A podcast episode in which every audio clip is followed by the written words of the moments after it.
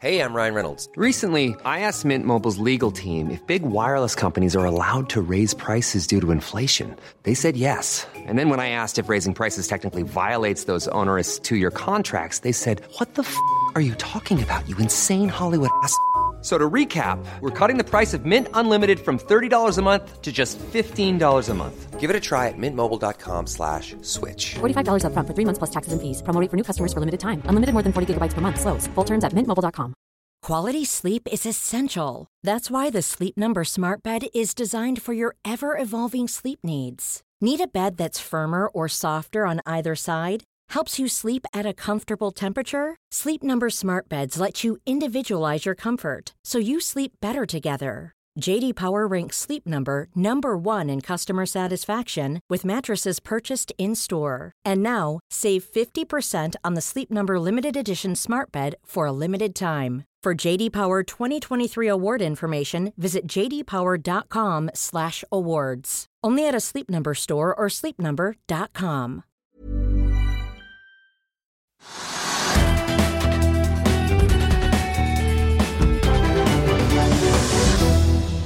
Energi, energi på veggen der. Vil vi ha nok kraft i landet her? Nei, du hører ikke på Poetisk kvarter, men Økonominyhetene her oss i Finansavisen på dagen 1.2, da regjeringens energikommisjon la frem sin rapport.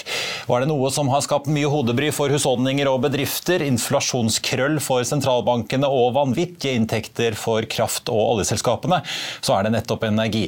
Og I dagens sending så har vi en fyldig dekning av Energikommisjonens rapport og anbefalinger. Vi snakker med kommisjonsleder Lars Sørgaard her i studio straks. Og vi skal også høre fra NHO, LO og kraftbransjen selv om hvordan Norge kan og bør løse kraftfloken. Alle er enige om at vi står midt oppe i. Men på denne 1. februar så skal vi også unnskyld, oppsummere de andre nyhetene du må få med deg. Og la oss begynne med å titte på markedet nå bare fem og en halv time før den amerikanske sentralbanken altså sender ut sin rentebeslutning, og seks timer før da Jerome Powell, sentralbanksjefen, går opp på podiet for å møte pressen. Så får vi si en seanse som en hel finansverden venter i spenning på. I dag peker futuresene på Wall Street svakt ned, mens børsene i Europa jevnt over ligger i grønt nå i forkant av rentemøtet, inkludert vår egen Oslo Børs, som har fått god fart utover dagen etter en litt forsiktig start. Hovedindeksen er opp over, så vidt over prosenten til 1200 og nesten 8 poeng så langt i dag. Og Hvis vi da oppsummerer måneden vi har lagt bak oss, så klatret jo da Dow Jones oppover over en prosent i går. Endte måneden da opp 2,8% på Wall Street. SMP avsluttet sin beste januar på fire år og endte opp 6,2% Nasdaq krøp opp litt over halvannen prosent i går og toppet altså det hele med å avslutte januar opp 10,7% Vi er litt mer forsiktige her i landet, får vi si, for hovedindeksen på Oslo Børs endte opp da 0,54% i januar. I dag har oljeprisen ligget relativt flatt. Nordsjøoljen ligger i spotmarkedet på ca. 85,5 dollar fatet. Den amerikanske lettoljen VTI på 79,10 ca. Det er jo møte i OPEC i dag, og det er ikke ventet noen store endringer i planene til oljekartellet. Vi skal holde et øye med utviklingen utover sendingen. I tillegg til rentemøtet i USA, så er det jo jobbtall fra USA også da på fredag denne uken. Og nå i ettermiddag så kom ADP med sine sysselsettingstall for privat sektor i USA, som da alltid kommer to dager før de formelle sysselsettingstallene er på plass. ADP-tallene viser en vekst i privat sektor på 106 000 jobber netto da i januar måned. Det var ventet en vekst på 178 000, så en god del da under forventningen der. Et potensielt da kjøligere arbeidsmarked vil jo være helt sentralt for den amerikanske sentralbanken fremover, som har snakket mye om nettopp arbeidsmarkedet i rasjonalet sitt for å jekke opp rentenivået i USA. Vi må jo innom noen aksjer som har slått mye ut i dag. Horisont Energi har jo kommet med det vi får kalle, i hvert fall har vist seg å være en katastrofal skilsmissemelding.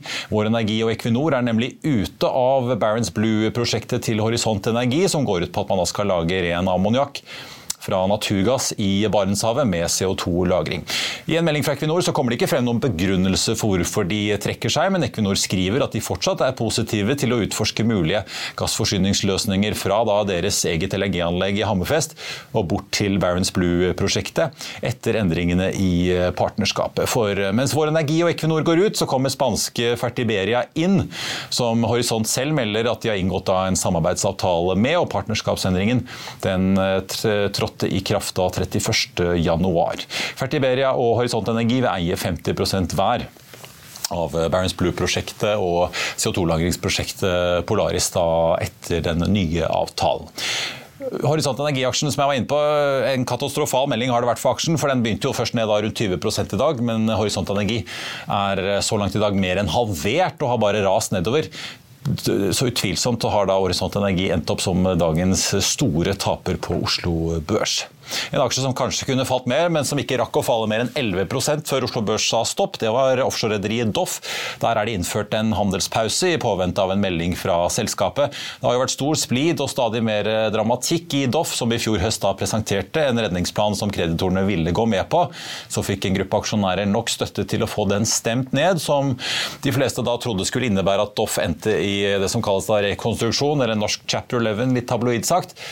Men nå ser det ikke ut at det kanskje blir noe av det heller, og at hele offshorerederiet kan ende i en full konkurs. Styret i Doff ba i går aksjonærene som støtter en rekonstruksjon om å sende en e-post innen klokken 11 i dag om de støtter denne planen. Det er foreløpig usikkert om kreditorene vil godta den nyeste restruktureringsplanen til styret i Doff. Og mer om det får du selvfølgelig på F1 fortløpende utover kvelden hvis det skjer noe der. Flyselskapet Flyr er nå suspendert på Oslo Børs etter meldingen et par minutter på klokken syv i går kveld om at de da kommer til å begjære seg konkurs. Norwegian har fått eh, bra fart på nyhetene om problemene hos konkurrenten sin. Vi så først Norwegian stige nærmere 5% en periode på mandag, før den falt eh, tilbake igjen. Da Flyr altså først meldte at de ikke hadde lyktes med å få inn mer kapital. Luften gikk litt ut av Norwegian utover dagen, men endte opp drøye 2,5 i går. I dag har vi sett Norwegian skyte fart på meldingen om at Flyr altså er eh, konkurs. Så langt i år er Norwegian opp 35% og nesten 5% i dag. altså. Det er jo en, eh, får vi si, en trist dag for de ansatte i Flyr. Over 400 mister jobben. Og foreløpig i hvert fall så er de fleste flyene på bakken da, i Norge, med unntak av ett som skal stå i Tsjekkia. Vi skal selvfølgelig følge med på utviklingen i oppgjøret der, og hva som eventuelt skjer for eh, de aksjonærene som sitter igjen i Flyr, som altså nå er stanset på børsen. SAS opp 2,4 i dag og 5,7% så langt i år, men den aksjen får vi jo si eh, står i fare for en kraftig utdanning, gitt at SAS er i chapter 11 de også, og eh, da har varslet en stor konvertering av gjeld som vil føre til at mange nye aksjer aksjer kommer inn. Norse Atlantic opp 1,85 i dag og 37% så langt i år. Men eh, vi får merke at de da ikke konkurrerer i det samme markedet som Flyr, og sånn sett ikke er påvirket av konkursen i nevneverdig grad. Og så er det Hyundai som har svingt en god del på nyheten om den relativt ferske finansdirektøren som da trekker seg etter et knapt år i jobben og melder overgang til, Heim, til Heimdal Power. I tillegg så kom det frem i meldingen fra selskapet at uh, sjefen selv kaller inn til en selskapsoppdatering nå på fredag. Uh, aksjen har vært nede i dag, men har svingt litt opp igjen og ligger nå opp en 1,6 og så kommer vi jo da ikke innom Moses Lake og Rex Silicon, børsens desidert mest omsatte aksje i dag med god margin, med en omsetning på over 600 millioner kroner, godt over nummer to som er Equinor på drøye 400 millioner. Aksjen til REC er opp hele 32 i dag, og en prosent mer enn det for året. Det er jo fortsatt en del som er uklart om fremtiden til REC, inkludert eh, hvordan REC skal finansiere en gjenåpning av Moses Lake, og hva de skal gjøre med lånet som forfaller nå i april. men det har jo da kommet en melding eh, fra selskapet som, eh, hvor det altså kommer frem at de nå har inngått en bindende termsheet-avtale med storaksjonær Hanwa i Sør-Korea for en offtake-avtale på ti år eh, av produksjonen av polysilisium i Moses Lake-anlegget, og som da sikrer at hele produksjonen derfra blir eh, kjøpt av Hanva. Det skal gi, med dagens prisnivå i hvert fall, rundt 3 milliarder eh, dollar til REC. Og så sier da konsernsjefen i REC, Kurt Levens, at en offtake-avtale er et krav for gjenåpningen av Moses Lake, som altså ble stengt tilbake i 2019. Planen er fortsatt å gjenåpne fabrikken i fjerde kvartal i år. Og det kommer også frem, i tillegg til at man skal inngå en avtale med en minimum- og maksimumspris på dette silisiumet, at Hanma vil betale sitat, et betydelig forskudd for å få produksjonen i gang på Moses eh, Lake. Diskusjonen gikk om REC eh, og på Børsmorgen i morges. Gikk du glipp av den praten, eller hva slags eh, tall Snapchat og brikkeprodusenten AMD kom med, så kan du klikke deg inn for å se Børsmorgen på fa.no tv, eller så kan du som alltid høre både Børsmorgen eller Økonominyhetene ved å søke oss opp på Spotify, Apple Podcast eller ved å gå inn på fa.no podkast. Vi er straks tilbake med dagens første gjest. Vil du bli oppdatert på det viktigste som har skjedd innen finans og næringsliv? Da er det bare å følge med, for hver morgen er jeg, Marius Lorentzen og aksjekommentator Karl Johan Malnes på plass i studio for å ta tempen på dagens marked i Børsmorgen. Og hver ettermiddag oppsummerer vi alt du trenger å vite i økonominyhetene, og det blir selvfølgelig masse interessante gjester. Klikk deg inn på fa.no-tv, eller søk opp Børsmorgen og Økonominyhetene der du hører på podkast.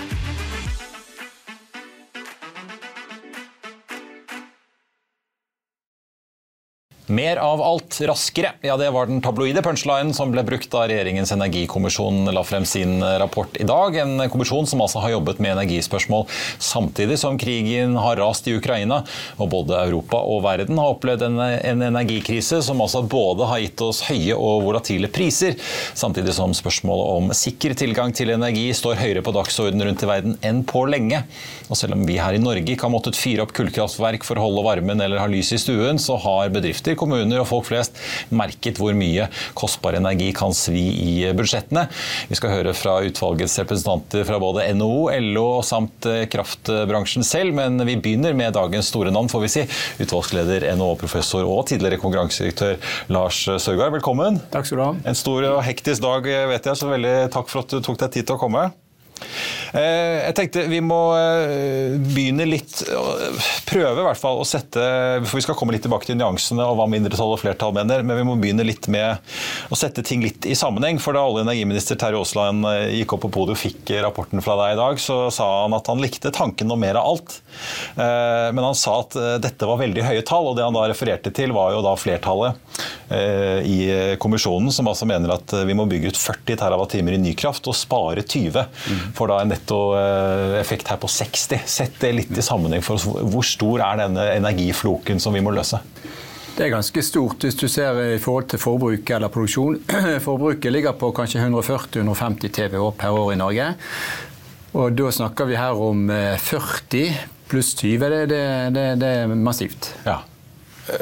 Også si litt, altså, Det er jo et mål fra flertallet, men du er ikke med på det målet. Hvorfor ikke? Nei, altså Jeg sier at vi skal ha denne retningen. Det er viktig å komme i gang. Vi skal komme i gang med vannkraft og oppruste. Vi skal ha vindkraft på land, prøve å restarte. Vi skal starte med havvind. Vi må ha solkraft. På ulike måter skal vi stimulere det. Men selv om du gjør alt det, så jeg tror det er vanskelig å komme i mål. Vi kan støte på en del utfordringer. Punkt én. Det kan bli folkelig motstand, som vi har sett på vindkraft. På vindkraften, ja. ja sant, for eksempel. Og på havvind kan bli veldig kostbart, så da bør vi sette på bremsen, tenker jeg. Så vi bør jo tenke det som er samfunnsøkonomisk lønnsomt. Vi skal ikke bygge ut kraft der du må ha vedvarende subsidier. så Derfor mener jeg at vi bør justere kursen hvis det viser det blir for store ødeleggelser av natur eller for kostbart. Vi skal gå litt inn i de ulike energiformene, og sånn, men litt sånn overordnet så hører vi jo fra bl.a. Statnett, og det er jo ulike prognoser ute og går, men at kraftoverskuddet i Norge, som dere vel regner ligger på en ca. 20 TWh, det forsvinner om ikke altfor mange år. Og så er det mange som da peker på at ja, men vi elektrifiserer oljeplattformer som tar masse strøm. Men uansett, kommer vi unna at vi trenger mer kraft? Nei, jeg tror ikke vi kommer unna at vi trenger mer kraft. Når du ser på kraftforbruket, uansett hvordan du regner inn med lavt forbruk eller høyt forbruk, så vil det stige. Samtidig har vi veldig få planer nå om økt kraftproduksjon, så det blir et gap der mellom det økte forbruket og det som ikke er ikke økning i produksjon. Problemet med det er følgende at hvis du kommer langt ned på kraftoverskuddet, så vil du ha et, en utfordring med forsyningssikkerhet. Vi vil få større variasjon mellom tørre og våtere pga. klimakrisen. Så da kan et tørrår bli veldig lite kraft tilgjengelig, lite vann i magasinene. Da må vi basere oss veldig mye på import og på flere av magasinene, så vi må ikke gå for langt ned i si, kraftoverskudd. Vi må ha, må ha en viss buffer for å ha en uh, mulighet for å kunne levere selv i de uh, dårlige tidene. Så det handler mye om forsyningssikkerhet. Og dette. Og så vil mange peke på at det kraftoverskuddet er også en garanti for at prisene ikke blir, selv om de har vært høye nå, for høye over tid. Det er òg viktig, for så lenge du har kraftoverskudd, så må produsentene selge mer i det norske markedet enn de ellers gjør. Det vil presse prisene noe ned. Så det at dette med relativt gunstige priser i Norge kontra utlandet, det henger sammen med kraftoverskuddet. Det har NVE vist i en ganske ny rapport. Ja. Eh, Så dere anbefaler at vi fortsatt skal ha det. Vi, vi, altså vi kunne brukt en hel sending på hver av disse energiformene. Jeg har jo for så vidt observert med interesse at uh, flere snakker også om solkraft og behovet for en samlet regulering der. At det er aktører nå i Norge som er i full gang med å planlegge og bygge ut uh, på en måte industriell skala uh, solparker, ikke bare på hustak. Det er veldig bra. Så vi, vi, mener det er viktig å få på plass en helhetlig regulering. For dette har, solkraft har jo vært i liten skala i Norge. Har liksom ikke vært en del av systemet. Masse litt uh, ulike regler. Løst på siden, ja. ja så nå, nå, nå, kan det bli mye større. Sant? og Da trenger vi en helhetlig regulering. Og så trenger vi òg uh, se om det er mulig med noen enklere søknadsprosesser hvis du skal ha et solkraftanlegg på et hus. Altså er det mulig å få til noen grep som gjør at dette går fortere. Men du ser det er jo enorm uh, noe økning siste året pga. Eh, energikrisen og høye priser. Det har jo tatt av. Ja. Og så har dere i tillegg selvfølgelig da vind på både land og til eh, havs. Ja. Særlig til havs anbefaler dere at myndighetene inngår langsiktige kontrakter, altså differansekontrakter, eh, for å stimulere. Ja. Men er, er, det skattebetalerne som blir sittende med regningen for å bygge ut noe som sikkert er veldig kult og stilig og krever mye ingeniørtimer, men likevel er en kostbar energiform sammenlignet med vannkraft eller vind på land? Jeg tror skal vi, vi må ha noe over havvind. Jeg, jeg, er positiv til det. Samtidig er spørsmålet hvor langt vi skal gå. Hvis du ser på eh, uttalelsen jeg er med på, så sier vi at vi må ha iallfall i første fase disse langsiktige kontraktene. Eh, vi vet ikke i dag om de innebærer subsidier. Det kommer an på konkurransen om å ha disse kontraktene bygge ut, og hva slags pris det blir i markedet. Men vi må ha de, men hvis det blir for dyrt, så må vi stoppe opp. Mitt poeng er at vi kan ikke bygge opp et kraftsystem i Norge som er basert på evigvarende subsidier. Vi må ha et bærekraftig system. Og et sluttpunkt for det. Ja, og hvis havvinden blir veldig dyr, så må vi da eh, revurdere våre mål for hvor mye vi skal bygge ut, tenker jeg. Ja. Og vind på land er jo billigere i dag, men har skapt selvfølgelig masse politisk eh, rabalder. Ja. ja. Vind på land er noe annet. Der er kostnaden relativt lav. Det er kanskje noe av det billigste vi kan bygge ut, men der har vi folkelig motstand. Så vi sier at det er viktig å skape si, lokal tilslutning til utbygging. At lokale myndigheter, berørte kommuner, får en andel av verdiskapningen. betyr at de ser verdien av det. Og Da skjønner de òg verdien for Norge. Så det, det, å gi en andel av verdiskapningen til berørte kommuner vil kunne hjelpe på. Men samtidig sier vi òg at vi skal holde på de demokratiske prosessene. Vi skal ikke ha noen sånn kinesisk løsning og bare kjøre bulldoser. Lokal, ja. ja. Det er ikke det vi snakker om. Vi må ha demokratiske prosesser. og Viser seg at det blir stor folkelig motstand, så er ikke det mulig å bygge ut. rett og slett. Sørgard, dette er jo regulerbare, det er ikke-regulerbare kraftformer, eh, sol og vind. Det har vi jo også masse på vei av fra Europa. Så verdien av regulerbar kraft øker kanskje desto mer. Da er det jo først og fremst i Norge snakk om eh, vannkraften. Hva ser dere for dere av potensial eh, der, egentlig? da? På vannkraft så skulle, i, i, mandatet så ligger vi til grunn vernet plan. Det betyr vi kan ikke, vi kan ikke legge under oss nye naturområder. Nye Nei. Nei, men det vi kan gjøre er et par-tre ting. Vi kan eh, oppgradere eksisterende vannkraftanlegg. altså du får Bytte ut turbinene, få mer effektive turbiner. Det gir, gir, mer kraft. Så kan vi utvide. Det kan være at du kan koble til ny, eh, et nytt vann i nærheten. og Du kan gjøre visse grep. Da er det litt mer naturinngrep. Og så kan vi ha pumpekraft. Det som vil skje, som du nevnte med vindkraft fra Europa, at du får eh, til tider en veldig lav eh, kraft til lav pris fra Europa. Så kan vi bruke, kan vi bruke kraften da til å pumpe vannet fra et lavt magasin til et høyt magasin. Så får vi brukt kraften to ganger. Så det er noe som vi bør tenke på. Så vi har en del grep når det gjelder vannkraft. Så du kan få 5-10 TV, TV eller noe sånt. Ja. Det, det, er den størrelsen vi snakker om. Ja, for det, det er jo det jeg liksom stusser ved. Da. Dere skriver jo at det er da 3 TWh under bygging. 6 som er godkjente konsesjoner på. Ja. Da har du 9. Dere sier vi trenger 40. Ja. Er det noen plan på en måte som er realistisk for å nå å kunne komme opp i disse volumene i det hele tatt?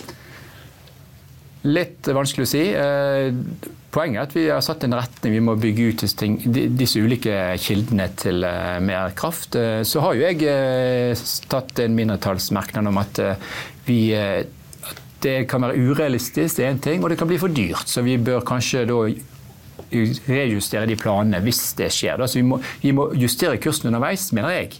Så det er ikke sikkert at vi når 40 TWh, men vi i hvert fall beveger oss i den retningen det er alle enige om. Og så har du da en øk, altså effektivisering og reduksjon av forbruk. Men det andre er jo skal man si ja til alt av disse nye prosjektene som mange vil sette i gang med, enten det er hydrogen eller batterifabrikker eller. Eh, elektrifisering av eksisterende industri.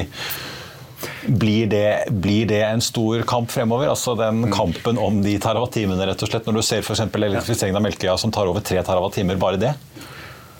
Vi har eh, sagt at hvis det nå i ulike grunner blir en stopp i utbyggingen, sånn at det stopper opp, eh, så, de, så er det politikerne som må gjøre noe vanskelig vanskelige valg. Sant? Da har de tre ting de må sette opp mot hverandre.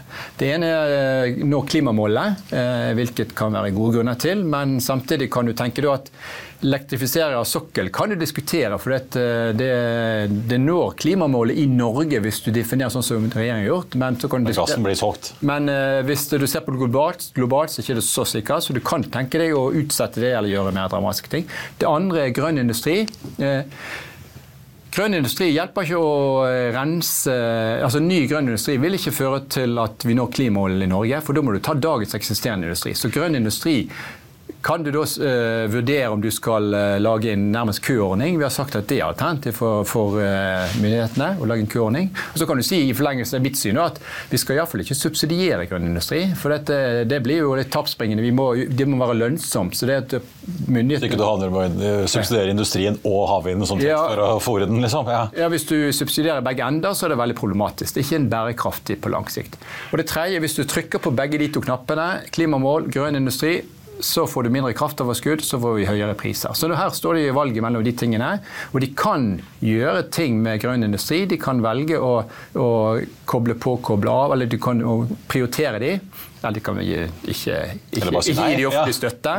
Og de kan òg velge på klimamålene når det gjelder elektrifisering. Så de har noen valg som de må ta, som er litt vanskelige. Kommer noen eh, debatter der utover tiåret. Ja. Eh, Vi må også innom kjernekraft. som på en måte eh, Din hva får vi si, bybror Trond Moen i Bergen har jo begynt å satse på dette, men diskusjonen om det har jo plutselig kommet opp. Vi ser jo i en god del land som driver med kjernekraft at ja. planer har blitt hentet opp av skuffen igjen. Og etter at vi har sett energikrisen utfolde seg, som man la i skuffen fordi man helst ikke ville ha så mye mer kjernekraft. Men det er jo rart med energisikkerhet for folk til å vurdere stadig nye ting. Ja. Hvordan vurderer dere det for Norges del, da?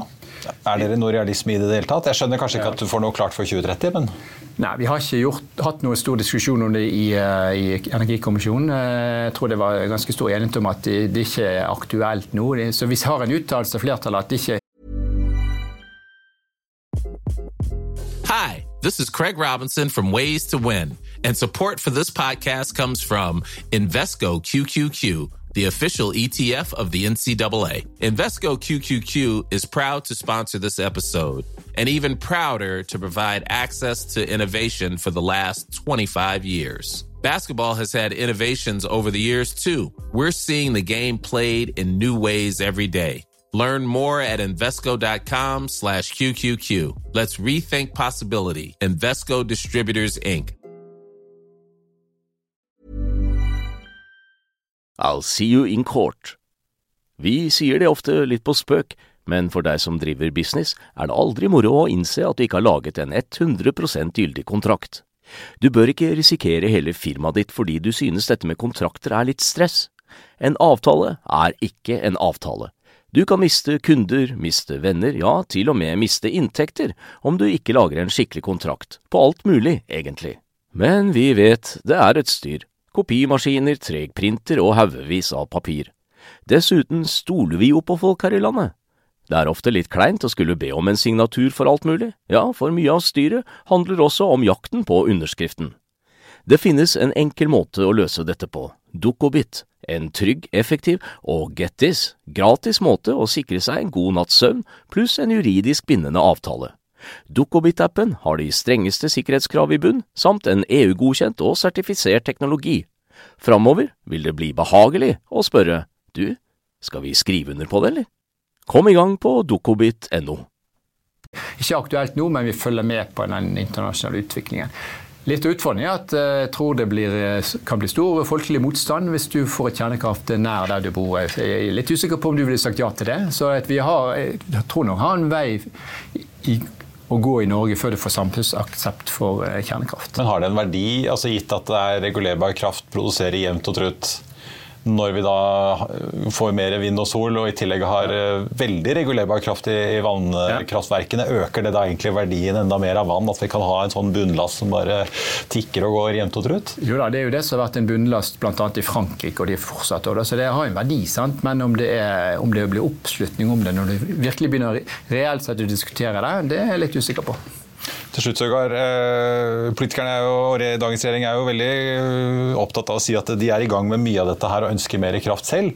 Samtidig så har vi jo sett noen skatteendringer som har kommet eh, den siste tiden, som bransjen selv har skreket over og er svært kritiske til. Mm. Hvordan har diskusjonene vært i utvalget om skatteregimet? Jeg ser dere etterlyser en, en gjennomgang, egentlig en ganske bred gjennomgang, og også et politisk bredt kompromiss her for å lande et rammeverk. Mm. Men har de skatteendringene som har kommet, lagt kjepper i hjulene for den utbyggingen vi trenger? Vi har sett på det mer sånn langsiktig og prinsipielt. Vi sier at det, tre, det, er tre prinsipper som må ligge til grunn for skattelegging. For det første, det må ikke legge hindringer i veien for lønnsomme investeringer. Det, det, er viktig. For det andre, de må bidra til fellesskapets kasse. Det betyr at de skal nå skatter som er nøytrale, som bidrar til fellesskapets kasse, f.eks. grunnrentebeskatning. Det er det positive til. For det tredje, det må være forutsigbart. Og Vi har ikke gått inn i det konkrete, men bare ta det eksempelet med, med høyprisskatt, eller bidraget som det kaltes. Du skulle betale skatt over 70 øre. Det kan ha problematiske sider, fordi at eh, vi, vi, trenger mer kraft når vi har knapphet, altså når det er høye priser. Så det kunne redusere insentiven til å få den type investeringer. Men så sier regjeringen at dette skal vare til og med 2024. og Da får vi forutsigbarhet. Så dette er jo Det er bra at de da lager et forutsigbart system som da ikke hindrer eh, nye investeringer. Men eh, en skatt som bare tar oppsiden når det går bra, men ikke gir deg fradrag når du skal investere, er kanskje ikke så lurt? På lang sikt kan det være problematisk. Lars Søgaard, leder for Energikommisjonen, tusen takk for at du var eh, med oss. Vi skal høre fra noen av interessentene i dette sakskomplekset, og vi begynner med næringslivet selv, som skal bruke mye av denne kraften. Eh, bare se her. Åslaug Haga, administrerende direktør i Fornybar Norge, får vi si eh, sammenslutningen av Energi Norge og eh, Norvea nå fra nyttår. Eh, nå har dere akkurat sett rapporten. Ganske store mål for hvor mye kraft Norge trenger. Hvis dere hadde fått ja på alle konsesjonene i dag, er det, er det mulig å bygge ut så mye kraft på relativt sett så kort tid frem til 2030? Det er ambisiøst, men det er mulig. Fornybarnæringa er rede. Man står i startgropa og, og, spinner. Men det forutsetter jo da at vi får rammebetingelser som uh, gjør det mulig for oss å ikke minst investere. Og, og skal vi bygge ut 40 TWh før 2030, ja da skal det investeres en 200-300 milliarder kroner. Og med de skatteskjerpelsene som kom i fjor høst, så har man bidratt til å gjøre det vanskeligere. Men med de rette rammebetingelsene så er dette innafor.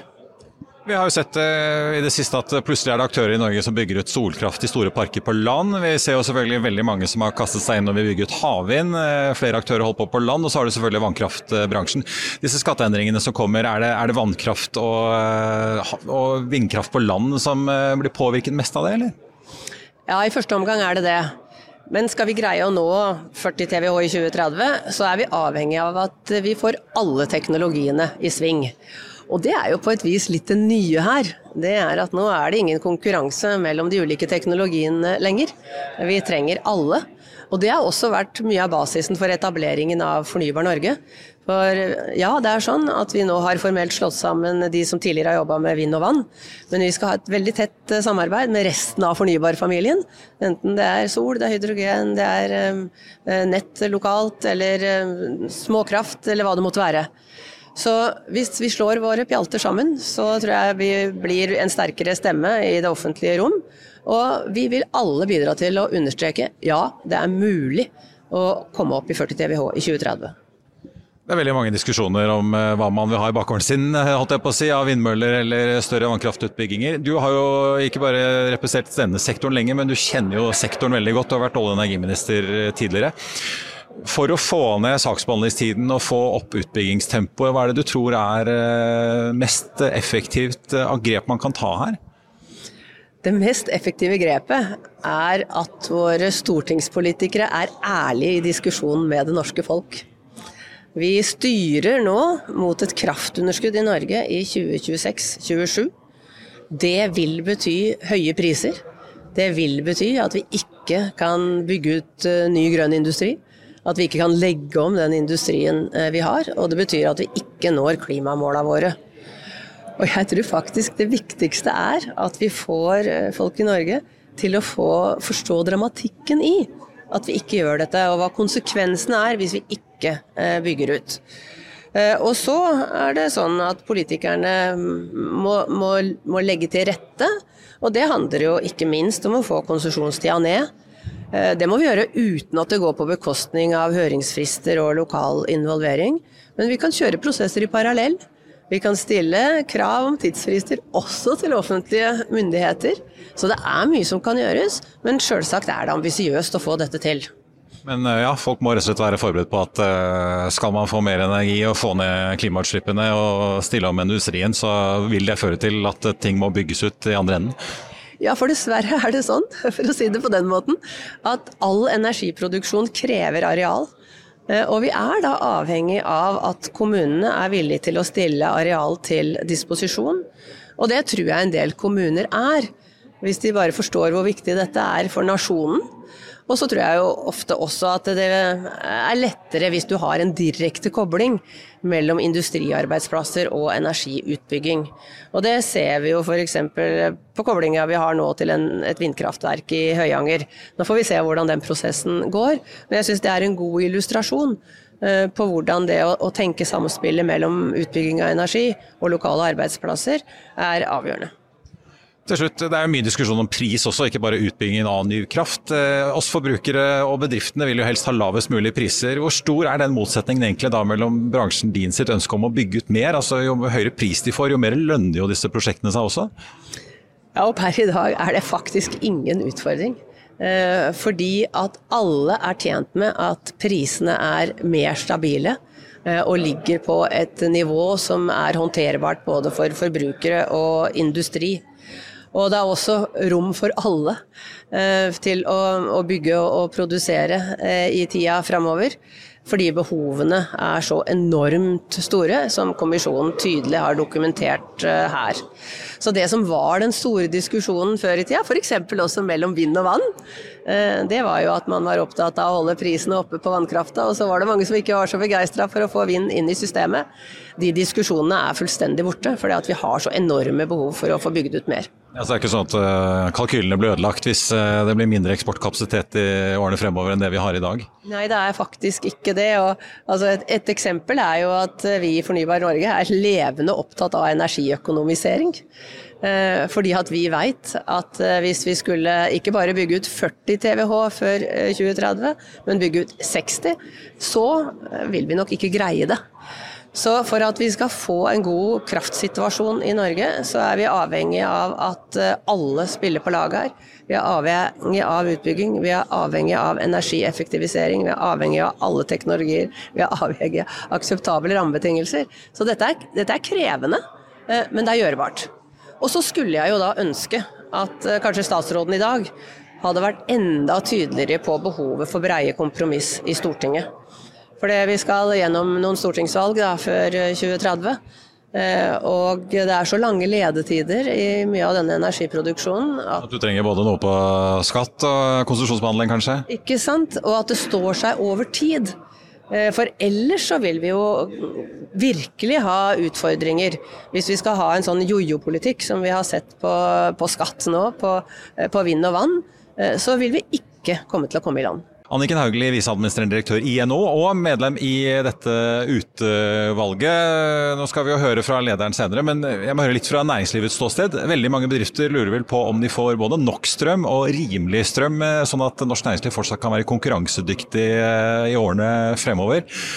Hvordan ser du på det når dere i dag sier at eh, vi trenger 40 eh, TWh ny energi og vi må spare i hvert fall 20? Ja, jeg mener jo denne kommisjonen svarer i hvert fall på oppdraget som nettopp var å peke på hvordan skal vi klare å få opp kraftproduksjonen og sikre at vi fortsatt har eh, konkurransedyktige priser for bl.a. for norsk næringsliv. Og Det jeg er veldig glad for er at vi nettopp har klart å komme med nå en rapport som er enstemmig i retningen, nemlig at vi trenger mer av alt og vi trenger det mye raskere. Vi trenger mer kraftproduksjon, vi trenger raskere nettutbygging. som i dag er en eh, flaskehals. Eh, og vi vil trenge å spare mer på energien enn det vi har gjort eh, tidligere. Det som har vært viktig for oss, har vært å peke på det avviket som er mellom politiske vedtak om klimakutt og manglende tiltak som skal til for å klare å nå de målsettingene. Alle, alle, sier vi vil ha mer kraft, og vi vil helst gjerne ha billig kraft. Men uh, f.eks. Sverre Gotaas, som også sitter i utvalget, som er sjef for Herøya industripark, der sitter jo det flere aktører som ser at de kommer ikke til å få nok uh, nett f.eks., eller kanskje til og med nok kraft for å utvikle sine prosjekter? Nei, og det er jo derfor vi også peker på dette. Om man ikke klarer nå å få opp tempo i kraftutbygging, så vil vi ikke klare å nå målsettingene om å kutte klimautslippene, eh, om å eh, sikre eh, grønne arbeidsplasser framover, altså nye industrier. Og vi vil heller ikke klare å sikre lave priser. Så, så hvis man skal ha lave priser, grønn industriutvikling og nå klimamålene, så må politikerne få opp De må fram i skoa og opp med tempo. Få opp på plass mye raskere økt kraftproduksjon. Og så kommer det til å være vanskelig, det kommer til å være konfliktfullt.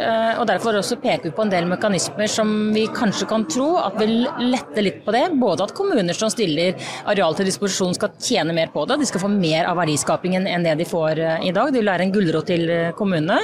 Men vi peker også på mulighetene for å kunne bruke, altså være, bruke altså ha natur, skånsom inngrep i naturen, eller bruke deler med lav verneverdi. Altså bruke eh, vindmøller langs, eh, langs motorveiene, bruke solceller langs motorveiene. Altså bruke områder som i dag har liten verneverdi sånn rent naturmessig sett.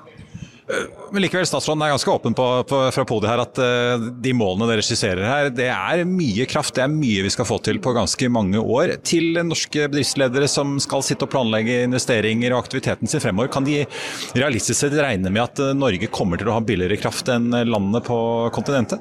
Ja, Vi har jo som forutsetning at Norge skal ha relativt sett lavere strømpriser og kraftpriser enn det man har konkurrentlandene har. Klart, nå er jo En del av utfordringen i Europa i dag er at det er krig i Ukraina. og Vi får nå håpe at den eh, tar slutt eh, så fort som mulig. Det at Russland bruker energi som et eh, maktmiddel i denne konflikten, påvirker oss alle.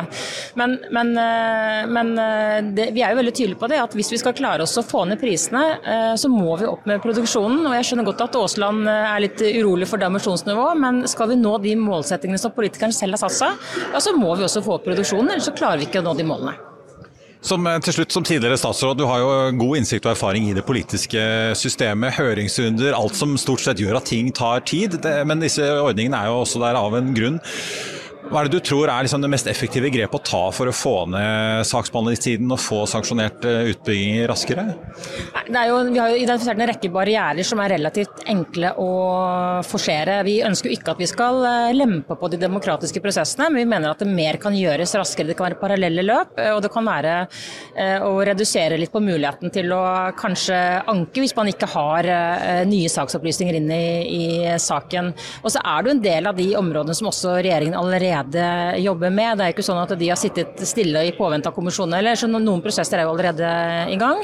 Men min erfaring er jo at man, hvis man vil noe sterkt nok og trykker hardt nok, så vil det være mulig også å gjøre prosessene raskere. Are Tomaskar, eh, LO-sekretær, også medlem av eh, denne kommisjonen, sammen med da Anniken Hauglie NHO bl.a.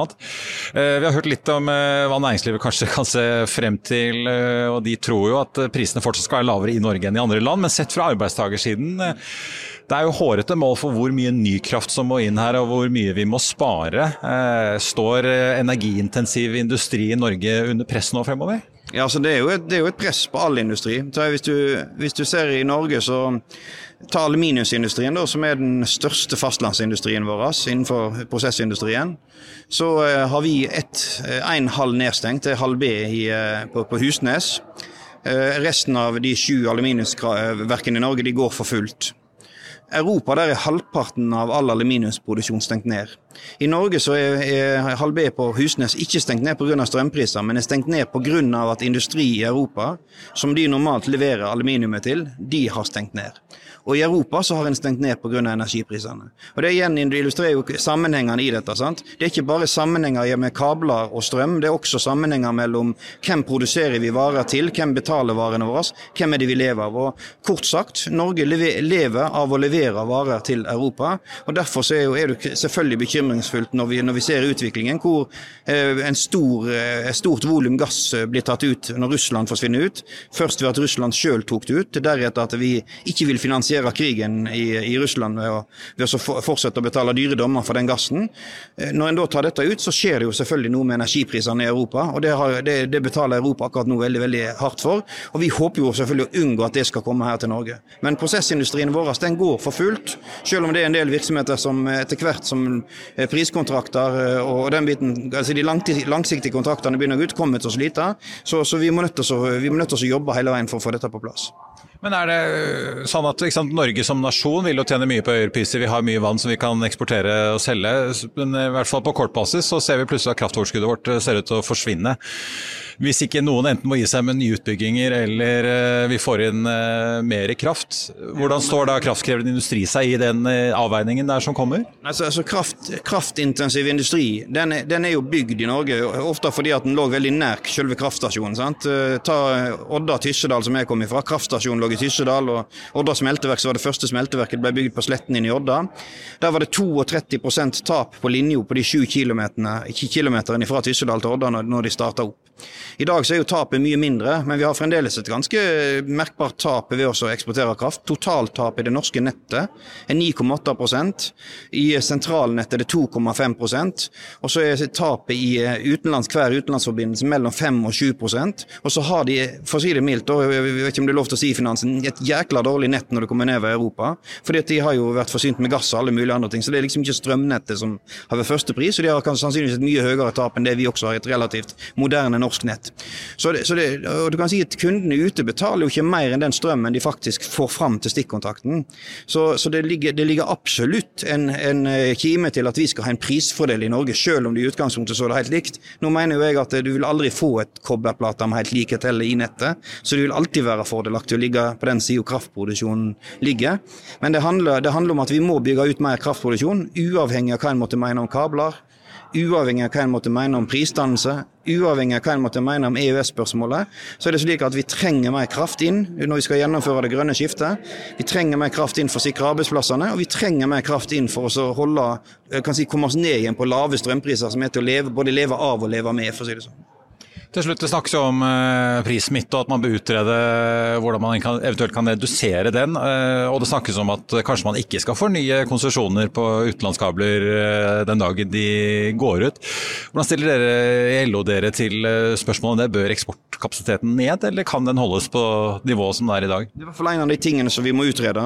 Jeg var jo også med i den kommisjonen som har bedt en om å utrede det. Og så er det jo slik når det gjelder kablene til Danmark. Vi bygde Skagerrak 4, altså det er jo Skagerrak 1, 2 og 3 som er på vei ut. Eh, der går konsesjonene ut i 2026 på Skagerrak 1, og Skagerrak 2 og Skagerrak 3 går det ut i 2030. Det er til sammen 1000 megawatt, men en bygde en 700 megawatts kraftledning til Danmark i 2014. og En av argumentene i konsesjonsbehandling for den var at de gamle kablene begynte å bli så gamle at en så for seg en erstatning for disse. Og det er slik at Når disse kablene eh, går ut til Danmark, så selv hvis en skulle ha lagt nye kabler, så er det ikke sikkert det er Danmark en skulle lagt de til. Og Du mister jo også litt kontroll når de ligger til Danmark. Sant? For Danmark er litt sånn som en grindegutt eller grindejente. Sitter på gjerdet og tar litt av lasset begge veier, for å si det sånn. Eh, de andre kablene kan mene mye om de. Min tid der var industrien jeg kjemper til og sågar imot de. Men det er i hvert fall slik at de kablene som er bygd direkte, de har vi litt mer kontroll over enn de kablene som går indirekte via andre land. Så men jeg mener at en skal eh, vurdere det, og jeg tror nok det at i den første fasen av havvind så skal vi satse på, eh, satse på radialer til Norge kombinert med pumpekraft. Og det er også slik at eh, På de to siste kablene, North Sea Link og Nordlink, så var det lagt inn i prognosene mellom 40 og 45 TWh med vindkraft som skulle komme opp. altså Like mye som det som vi egentlig foreslår fra kommisjonen her. Det var lagt inn i prognosene for de to kablene. Vi fikk 16 TWh, det mangler 30 TWh. Så det er mer enn nok kapasitet i de kablene for hvis det var noen som var bekymra for at ikke vi skal få avsetning for norsk kraft. Og Da var vi i slutten av dekningen av Energikommisjonen, i hvert fall i denne omgang. Debatten er jeg helt sikker på kommer til å rase videre. Eh, har du ønsker om aksjer vi skal analysere, eller selskapet vi skal snakke med, eller temaer vi skal ta opp, send en e-post til tvtips at finansavisen.no. I Finansavisen i morgen så kan du lese Trygve Egnars leder om et idiotisk LO-forslag om matmomsen. Du kan lese mer om Rex milliardavtale med koreanske Hanva, om eh, Horisont Energis skilsmisse i Finnmark, og du kan lese om en eksplosiv spådom for PGS. Vi får øvrig besøk av eh, sjefen i seismikkselskapet PGS, altså. Rune Olav Pedersen er min gjest her i Økonominyhetene i morgen. Og det var sendingen vår på denne svært så hendelsesrike 1. februar. Nyhetsdagen og får vi si nyhetsmåneden eh, også er bare så vidt i gang. For allerede nå klokken 20 i kveld så kommer altså rentebeslutningen fra Federal Reserve i USA. Og rett etter stengetid på Wall Street klokken 22 så får du også kvartalstallene fra Facebook er Meta. Vi så jo at Snapchat i går kveld meldte om en kraftig oppbremsing i inntektene nå i starten av året. Ja, Markedet er så usikkert at det sosiale medieselskapet ikke vil gi noen guiding for første kvartal, så det sier vel sitt. Mer om Fed-møtet og metatallene det får du selvfølgelig på fa.no utover kvelden. Og Det blir det også mer om da på Børsmorgen i morgen tidlig 08.55. Da får vi med oss Danske Banks sjefstrateg Anders Johansen. Men det var det vi hadde for deg på denne sendingen da for, får vi si, uh, månedens første børsdag. Mitt navn er eh, Marius Lorentzen. Tusen takk for at du så eller hørte på, og så håper jeg vi ses eller høres igjen i morgen.